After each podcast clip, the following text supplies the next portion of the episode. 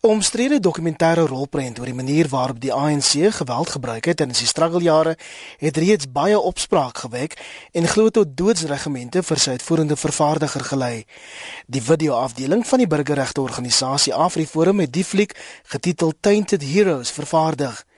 Die dokumentêr se uitvoerende vervaardiger Ernst Root, Roots sê AfriForum wou al lank met die idee om 'n rolprent te maak. Ons het by 'n anonieme bron 'n hoop argiefmateriaal gekry wat die geweld in die onluste van die 1980s uitwys en ek was op baie oomblik toevallig besig om Dr. Anthea Jeffrey se boek People's War te lees. So ons het hier gesit met die boek en ons het hier gesit met die argiefmateriaal en ek dink dit was 'n kombinasie van faktore wat ons uiteindelik daartoe gelei het. Die geleentheid is hier.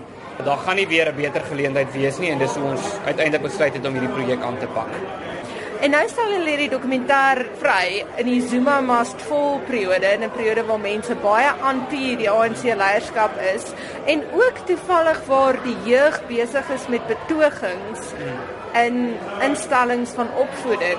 So, hoe dink jy val dit alles saam? Wel, ons hoor baie mense wat vir ons sê ons tydsberekening is uitstekend. Ons hoor ook mense wat vir ons sê die tydsberekening kon bietjie beter gewees het gegee wat nou in die land gebeur. Maar die tydsberekening is eintlik bloot toevallig. Die film is klaar. Ons het hom einde verlede jaar klaar gemaak en besluit ons wil nie die film in Desember bekendstel nie. Ons gaan wag tot vroeg in 2016. So, ehm um, daar was geen ander rede waarom ons hom nou bekendstel as bloot die feit dat ons het 3 jaar lank hieraan gewerk en hy was uiteindelik in 2015 klaar. Die aanvanklike beplanning was om hom reeds in 2015 bekend te stel maar ons het gevoel ons wil nie enige kompromieë maak wat die gehalte van die dokumentêr betref nie en dit het uiteindelik langer gevat as wat ons gedink het dit sou vat. Maar is jy nie bang nie erns dat omdat julle Afriforum is en omdat baie van die sektore in die land julle as politieke organisasie beskou dat dit amper om nou julle titelwoord te gebruik gaan tuint hoe ander Suid-Afrikaners wat nie wit en Afrikaans is nie die dokumentêr beleef. Ja, ons verwag daai kritiek. Die feit van die saak is ons by Afriforum het die geleentheid gehad om dit te doen. En ek dink weer eens die antwoord op daarop sou wees dan moet mense vir ons kom uitwys wat in die film is feitelik inkorrek. Ons het moeite gedoen om elke enkele feit in hierdie film by ten minste twee bronne te bevestig. So die feitelike korrektheid, daaroor het ons geen twyfel nie. Mense sou kon sê ja, maar daar's ander dele wat ons uitgelos het. Die punt is ook ons word eintlik in 'n groot mate gebombardeer met inligting oor die verlede. En dit is altyd dieselfde storie. Dis altyd die storie van die wonderwerk van 94 en die ANC wat hierdie semi-heilige organisasie was wat geveg het teen ongeregtigheid en hoe moeilik dit was. En toe was daar 'n wonderwerk en toe kom hulle in beheer. En ons weet as mens werklik gaan kyk wat gebeur het is dit regtig nie so eenvoudig nie. So ons skets eintlik die ander deel van die legkaart. En ons sê as jy daai dokumentêre kyk oor hoe wonderlik die ANC was, kyk hierdie dokumentêr ook en dan sit jy die twee bymekaar en dan het jy 'n geheel beeld. En wat is hulle verspreidingsplan? Vanweë die omstrede inhoud van die dokumentêr is verspreidingsgeleenthede beperk en ironies genoeg bevestig dit soort van die punt wat ons probeer maak dat daar 'n eensidedige weergawe van die geskiedenis is. Ons is in gesprek met maatskappye wat verspreiding doen vir films. Die voorlopige plan is om teaters op ons onkoste uit te boek en dan dit ook te bemark so en mense aan te moedig om dit te gaan kyk. Dit sal dan vir 'n meer beperkte tydperk wees. Die ander opsie wat ons tans baie sterk oorweeg indien ons die finansiering kan kry, is DVD verspreiding.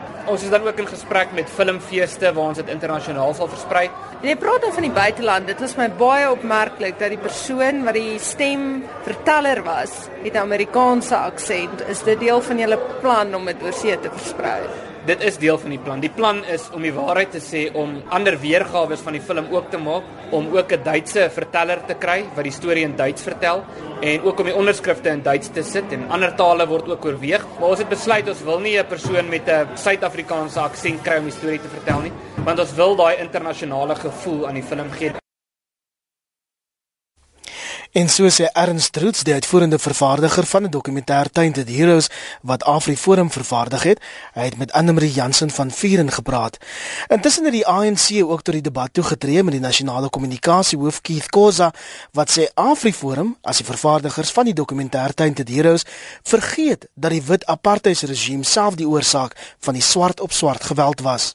They've spoken about the white on black violence. That resulted in many blacks being killed and others being hanged It is important that when we talk about these issues, we understand what gave rise to any form of violence. It was state orchestrated, it was state sponsored, with vigilantes that were created by the state and that were unleashed to fight against those who were fighting for freedom.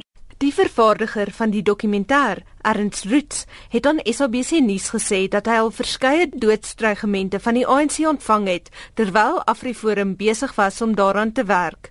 Khoza ontken dit ten sterkste. The ANC has never issued any death threats.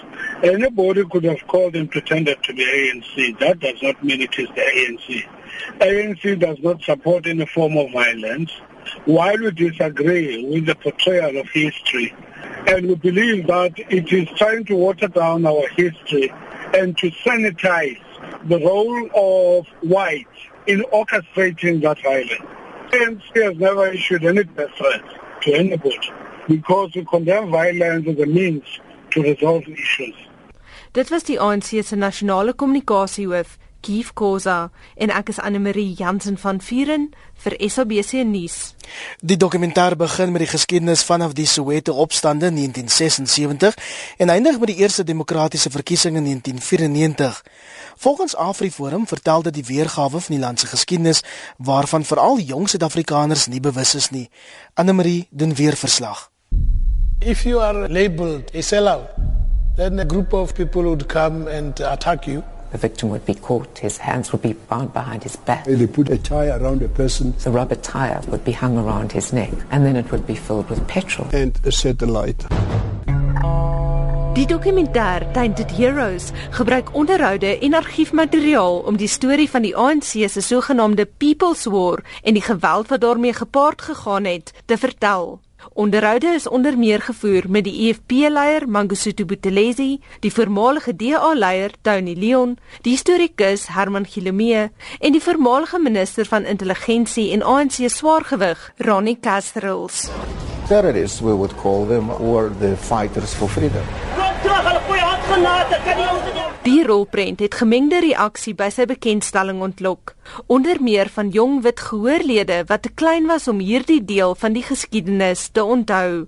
Dit was baie insiggewend geweest want mens word baie keer net veral omdat ek blank is net die een kant van die storie vertel. Nee, en komende van AfriForum was dit nogal eintlik iets wat ek nie verwag het nie. Tot internasionale besoekers wat nooit eers besef het as Winnie Mandela gepraat het van 'n band en 'n vuurhoutjie dat dit met halsnoermoorde verband hou nie. As a non-South African, I just watch the documentaries and read the books, and I just read the Miss Mandela's interview. He said we are struggling with our matches and we are tired, but I don't know that it was used for something like a necklace. But now I understand what Miss Mandela just means. Maar die grootste reaksie het uit die swart lede van die gehoor gekom omdat die fliek veral op swart teen swart geweld fokus. Unlike the other documentaries that were actually done that were portraying history, I felt that this one was a bit more balanced than the few that I've seen. I'm saying this because it tried to get all the people that were involved, the stakeholders, to the fore I do agree with quite a lot of the views here.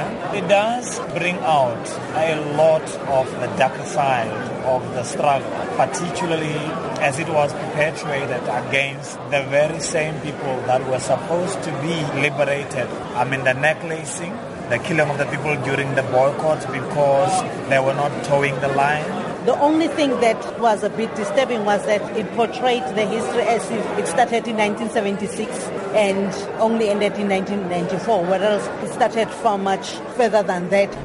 Manku Nguka van die Azanian People's Organisation sê sy voel hierdie alternatiewe geskiedenis moet gehoor word. I wish that it can go out to schools, it can go out to communities so that we can create that much needed dialogue that we need in our country. Tainted Heroes se regisseur, Alrich Eisel, sê dat dit juis is hoekom hulle die fliek gemaak het. Ek voel nie dis anti-ANC propaganda nie. Hierdie gaan vir my eintlik dat daar 'n ander kant van die geskiedenis moet vertel word. Die ANC voel ek vertel geskiedenis deesdae hulle manier. En ek dink hierdie gaan oor daar was 'n ander kant van die storie. Die punt van hierdie dokumentêr is om mense te kry om te praat. Ek probeer die mense oortuig dat jy nie meer van die ANC moet hou nie. Noguka sê al het hierdie feite reeds tydens die Waarheids- en Versoeningskommissie uitgekom, is baie jong mense onbewus daarvan. They think, for instance, that the ANC, they're all clean, they never did some atrocities and all that. And it's good that they actually also admit in this particular documentary that they know that they have done the atrocities. Dog voel Nkuka dat daar leemtes is in die dokumentêr. The one person that I found peculiarly missing in this story was actually Eugene Terblanche because at some point he was believed to be behind the third force and all that and more especially when he came to the issues of Odessa and how the other been saying we're not going to participate. Die vervaardiger Ernst Roots sê dit is geldige kritiek. Die dilemma is egter die dokumentêr is 'n uur en 55 minute lank wat alreeds eintlik te lank is en daar was belangrike hoofstukke in my opinie wat ons moes uitgooi om die dokumentêr korter te maak. Ons het byvoorbeeld 'n behoorlike stuk gedoen oor Beputa Tswana oor die AWB se inval daar en ons het 'n stuk gedoen oor PW Botha en die Rubicon toespraak. Maar al hierdie goed moet ons op die ou end uitgooi om die film kort genoeg te kry dat hy onder 2 ure lank is. Volgens nog 'n gehoorlid, Nelvis Mokema, lei dit daartoe dat die dokumentêr 'n eensidedige prentjie skep wat nie die skuld van apartheid vir die voormalige wit regering se deur lê nie. I did not see much of the self-defense units and the other things that were perpetrated against black people. It does come across as some kind of portrayal as black people not being able to respect one another, but once again, white people coming in as messiahs to save the situation. Okay, maar het self 'n noue ontkoming van 'n halsnoermoord gehad. Daarom sê een van sy vriende, Mbulelo Ketje, wat ook die premier bygewoon het, dat hulle nie teen Afriforum se dokumentêr gekant is nie. Volgens Ketje word 'n groot deel van ons land se geskiedenis deesdae as 'n voetnota behandel. They go to the history in the school. The kids, the only history that they are taught there is the history about Oliver Tambo, Chief Albert Lutuli. It's as if there was never been any other history. Volgens Noguka dui die studente betogings, rasisme en geweld wat daagliks in die nuus is daarop dat die tyd ryp is vir Suid-Afrikaners om weer aan die verlede herinner te word veral aan die slagspreuk Liberation Now Education Later wat so gereeld geopper is. It's quite relevant now because the youth now they think what they're doing is actually something that has never happened and we seem as a country to be walking in the same footsteps that we had actually walked in the past. Dit was Manku Nonguka, 'n verteenwoordiger van die Azania People's Organisation. Ek is Anne Marie Jansen van Vieren vir SABC nuus. Ons praat verder met joernalis Max de Pre asook Mary De Haas wat in die jare 80 en 90 spesifiek politieke geweld gemoniteer het. Goeiemôre Max. Goeiemôre, goeiemôre. Môre Mary. Uh goeiemôre. Max, kom ons begin by jou Afriforum vooraan dat hulle spesifieke fliek gemaak het omdat die ANC glo net die geskiedenis gebruik om hulle self as helde figure in te kleer. Jou reaksie? Ja, Iwer, ehm um, dit was 'n hierdie hierdie periode van die middel 80s tot 94 was 'n baie donker hoofstuk uh, in ons geskiedenis. Ehm um, en en dit verdien om uh, ondersoek te word en verdien om gepopulariseer te word. Ons moet weet hiervan. Natuurlik is daar mense wat graag dit wil verswyg. Ehm um, tussen 87 en 1990 is 4000 mense in konflik tussen die ANC en Inkatha doodgemaak en tussen 90 en 94 15000. Nou dis baie meer as wat in die hele geskiedenis van die Noord-Ierse Noord-Ierlandse se konflik dood is. So dis 'n baie belangrike ding. Daar's baie wonde, baie mense wat getraumatiseer is daardeur. En ek dink dis dis 'n belang, belangrike hoofstuk om te doen uh in 'n film. Maar hier is my groot maar. Hierdie is duidelik as ek luister na Ernst en die en die en die regisseur is 'n propagandafilm, is 'n anti-ANC film. En dit beteken jy gaan geloofwaardigheid geloofwaardigheid inboet. Uh ek sou wou hê iemand moet moet na hierdie periode kyk en alles deeglik opweeg. Ehm uh, ek het natuurlik nou nog die film gesien nie. Ek hoop van harte. Dit klink nie vir my so nie, maar ek hoop van harte dat die volle perspektief ook gegee word van die ou nasionale party regering se bydrae tot hierdie geweld, tot hierdie konflik. Dat ons hoor van Operation Marion van die Suid-Afrikaanse weermag uh wat 'n klomp uh, EFF mense in die Kaprivi gaan oplei het uh in aanval uh te tegnieke, vuurpylgranate, masjiengewere, mortiere, landmyne en ons weet hierdie alles want die die leier van daai groep is Dolitolo Lutuli en hy het getuienis gegee in sake. Ons weet dit uh ook oor van kaptein Brian Mitchell uh se se hofsaak en die trust feed en die Kwamakuta hofsaake. Ons weet van van Eugene de Kok se getuienis en sy sy onlangse boek dat vlakplaas het vragte vol en vragte vol wapens by Inkatha gaan aflewer.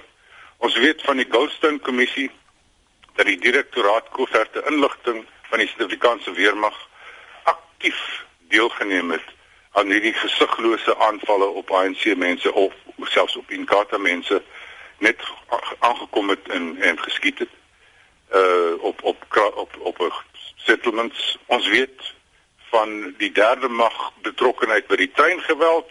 In daai tyd 500 600 mense dood in treingeweld aan die Oosrand.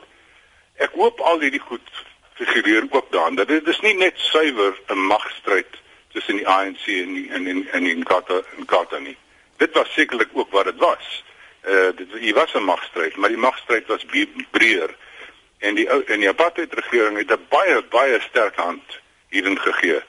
En nou ja, ek ek dink die die tyd die tydsberekening vir 'n propagandafilm van hierdie aard is nie goed. Uh, soos iemand anders al dit gesê het nie. Uh ons land is op die oomblik hier in die begin van 2016 'n bietjie op 'n mespunt en ek dink uh miskien moes dit vroeër of 'n bietjie later gedoen gewees het, maar hierdie film gaan nie goed ontvang word nie veral nie as dit die, dit nie die volle prentjie skets nie. Ons het gehoor hoe AfriForum sê hulle wil net 'n alternatiewe geskiedenis uitbeeld en Ernst Root sê ook die tydsberekening is uitstekend. Mary, jou mening? Sorry, yeah, the uh, excuse me because the the line isn't terribly good my end, but I agree uh, with what Max has said. Um, you know, from what I've seen of the of the trailer, it's a very one-sided film. It's um, it, it's it's a much more complicated situation than is portrayed in what I have seen and what I have heard in the interviews that you have uh, played for me. The um, you know, I, I think I could start with a quote in a paper I wrote in the 1980s.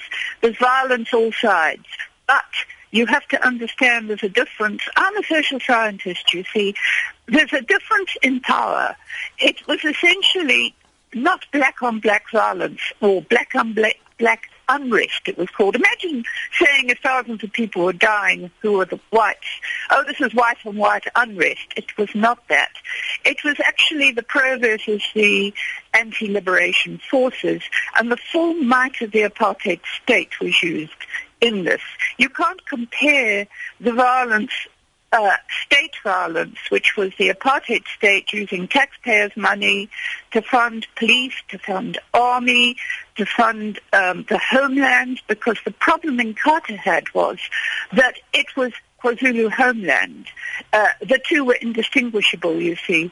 That, that was the problem Inkatha was sitting with. It was also sitting with a problem where in the early 1970s, boss agents had been put into Inkatha surrounding um, Mangasutu Buthelezi. Uh, Walter Felgate was there. So all sorts of disinformation was also fed to him, speeches were written, etc. Now, the other problem that the internal, I mean, firstly, as I said, it's a gross oversimplification. We've got We've got the whole TRC reports, as Max mentioned, the Goldstone Commission reports. There's been a whole history of the liberation struggle written, um, the Road to Democracy series, which deals with all the liberation movements with negotiations. It's written by academics, peer-reviewed. Um, I don't see any evidence of whoever produced this film having researched the topic properly. Um, I'm told that Dr. Anthea Jeffrey's book was used well. Her, her work has been severely, severely criticized on methodological grounds. And, and one of the other factors which I think is very, very important is that the ANC itself had been very badly infiltrated. I'll give you one example. In the early 90s, as the University of Natal was opening up to black students, there was a grenade explosion which damaged the chemistry laboratory, uh, which caused the um, principal at the time huge problems because funding dropped off. Now, there was an investigation by a top investigator into that. And what it revealed was the man who planted the grenade, whose name is known, he's now dead, who had widely been suspected by the ANC of being an informer, who had grenades in his possession that night, worked for both the security police and the military. So in other words, and that was a factor all the way through the violence. For example, in the 1980s, when you had youths in Kwamashu who were trying uh, to do things properly, they could, by the late 80s, no longer instill discipline. The credible leadership was getting detained by the police or it was getting killed, and the Komtopsies were coming along and taking control. A lot of them worked for the police. Even an old newspaper article I have from the world before it was banned was somebody writing in and saying, we can't move at the moment, there's informers everywhere. And, and one of the sad things about the TRC, because it's, it's kind of led to fingers being pointed still, is that the people who worked for the apartheid state, who were right in the ANC itself, in the UDF, um, were never ever exposed. It would have been much better to have exposed them. And, and I think the other thing, the, the big question I have in my mind is, why now do you come out with this very oversimplified, um, very one-sided a picture of what happened then. As I said, nobody's denying there was violence all around. In fact, two policemen in Durban were convicted of necklacing at one stage. But the point is, why now? all these years later because the dynamics of the ANC itself have changed altogether. A lot of the troublemakers in this province are people who are political opportunists who've crossed sides. So I ask myself this question, what on earth is the agenda to come out now with a, a film which is so as I said, at best grossly oversimplified, when there is such a wealth of information to draw on, if people actually want to you know, to present a balanced picture. So that's the big question in my mind. Max ons hoor nou hoe en ehm um, Mary herhaaldelik sê why nou hoekom nou wanneer sou dan 'n goeie tyd gewees het? Wel vir 'n propagandafilm is daar geen goeie tyd nie. Uh nie in Suid-Afrika met sy rou gevoelens nie. Uh dit sou 'n goeie tyd gewees het vir 'n gebalanseerde film. Uh geskiedenis wil nie wag nie. Geskiedenis moet gedokumenteer word uh soos bronne beskikbaar word soos geheue nog vas is. So in daardie sin ja, dit sou goed gewees het, maar maar hierdie is nou 'n anti-ANC uh, propagandafilm. So die Afriforum doen nou presies wat hulle die ANC van beskuldig en sê kom ons verdraai die geskiedenis. Mense gaan vir, vir Afriforum vra as julle so geskok is oor hierdie gedrag en ek is seker sekerlik geskok want ek was 'n deel daarvan. Ek het daaroor gaan verslag doen op die grond van hierdie bloedbad uh van van die laat 80s en 90s. Hoekom het julle nie uh die gemoed van julle oortuiging ook die ander onvertelde dele van ons geskiedenis, aan die ander onregte van ons geskiedenis uit te bring nie? Daar waar julle eie ondersteuners, julle eie posisie meer onder meer in gedrang is nie. Ek het die vraag vir die vir die EW de Klerk stigting ook gevra hierdie week en gesê hier kom julle nou en julle vaar uit teen swart rasisme en mense, julle gaan gee hulle aan. Maar wat het julle gedoen in julle ideale posisie om om wit rasisme te help versag en te en, en te beveg?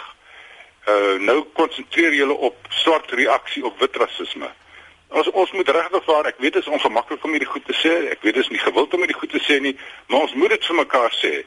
Uh ek dink Afriforum het Suid-Afrika onguns uh aangedoen en en gaan gevoelens onnodiglik gaande maak. Uh hulle bona fides is is is onder verdenking hier en as hulle 'n gebalanseerde film gemaak het of iemand 'n gebalanseerde gebalanseerde film gemaak het, sê ek ja, goed. wanneer wanneer is dit goed, wanneer is dit sleg om dit te maak? Uh dis jy maak dit wanneer jy die bronne het en wanneer jy die geld het en dan maak jy die film. Maar maar nie propaganda nie. On, ons moet wegbly van propaganda, ons moet wegbly van van gevoelens opjaag. En en die hele storie dat dit 'n onvertelde verhaal is, is mos hoegenaamd nie waar nie. Met ek het 10000de woorde hieroor geskryf. Uh ek het voor die waarheidskommissie uh, gesit en en hierna geluister en ek het dokumentêre films daarvan gemaak. Daar's boeke daaroor geskryf. Uh die ANC, ek het self in my laaste boek 'n hele hoofstuk geskryf oor die ANC se se swak menseregte rekord uh in in ballingskap. Met voorbeelde met name insluitende die van die president. Uh daar's boeke soos die van Paul Trewella, daar's boeke soos die van Steven Ellis wat maar 2 jaar gelede uitgekom het wat hierdie hele prentjie volledig dokumenteer maar op 'n geloofwaardige manier. So mm. ja, ek is nie 'n man vir propaganda nie in die die die die tyd vir hierdie soort propaganda is beslis nie nou nie. Mary, I'm going to ask you to summarize.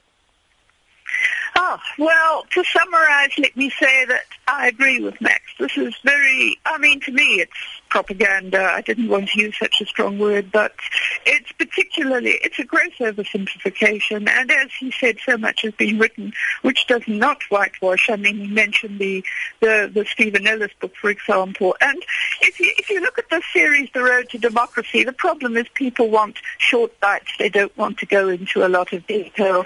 You will see that even, you know, the authors writing about the ANC point out that it did not necessarily have control over some of the atrocities that took place, the leadership at the time, that is. But at the same time, there was, without a doubt, there was a lot of in the townships. Um, you know, but the point is, and I kept saying at the time, I was in the townships in the 70s and 80s. I'm an anthropologist. And so I lived through this. Um, I, and, and the 90s. And even after the 90s, you see, the problem was, I think, and I think I read this in the Freya Wetblatt uh, back in the early 90s, I think the problem was that when we had the reforms uh, that President de Klerk introduced, I think he was dealing with a bureaucracy that um, was not necessarily behind him. And what we noticed in the 90s, particularly with the police, um, I think it was in the Freya Weekblad I read that um, that some of the, um, the, the bulk of police management were probably to the right of the clerk. What what I saw in this province was the police working with the instigators of violence right through past 94, including Shoba Shabani, that they were on the side of the anti-ANC people. Now, that's, that's, that in a sense sums up what I'm trying to say, that you can't compare the violence of thugs in the township you know, we used to say letter after letter to the police, we just want you to arrest the people who are causing the violence. That's your job. Whether they're ANC, UDF, Inkatha, whoever they are. And that's what the police didn't do. And that, as I said right at the beginning, is the crux of the argument. It's, it's a state-sponsored violence. The state could have stopped it by arresting the people who were really doing the necklacing, etc. And they did not do that. They used those thugs for their own purpose. It's, you know, if you wanted, uh, I mean, and it goes back again to what both Max and I are saying, why now? You know, what you should be looking at now is what is this government doing? Is it going down the same path where it is using its what we taxpayers are funding, its criminal justice system for political ends? Because that's essentially what the apartheid state was doing. It was the apartheid state itself was extremely corrupt. I mean, the money that went out of this country before 94 was horrific. And we should be looking now at what's happening now. We've had the TRC. It was an exercise in reconciliation.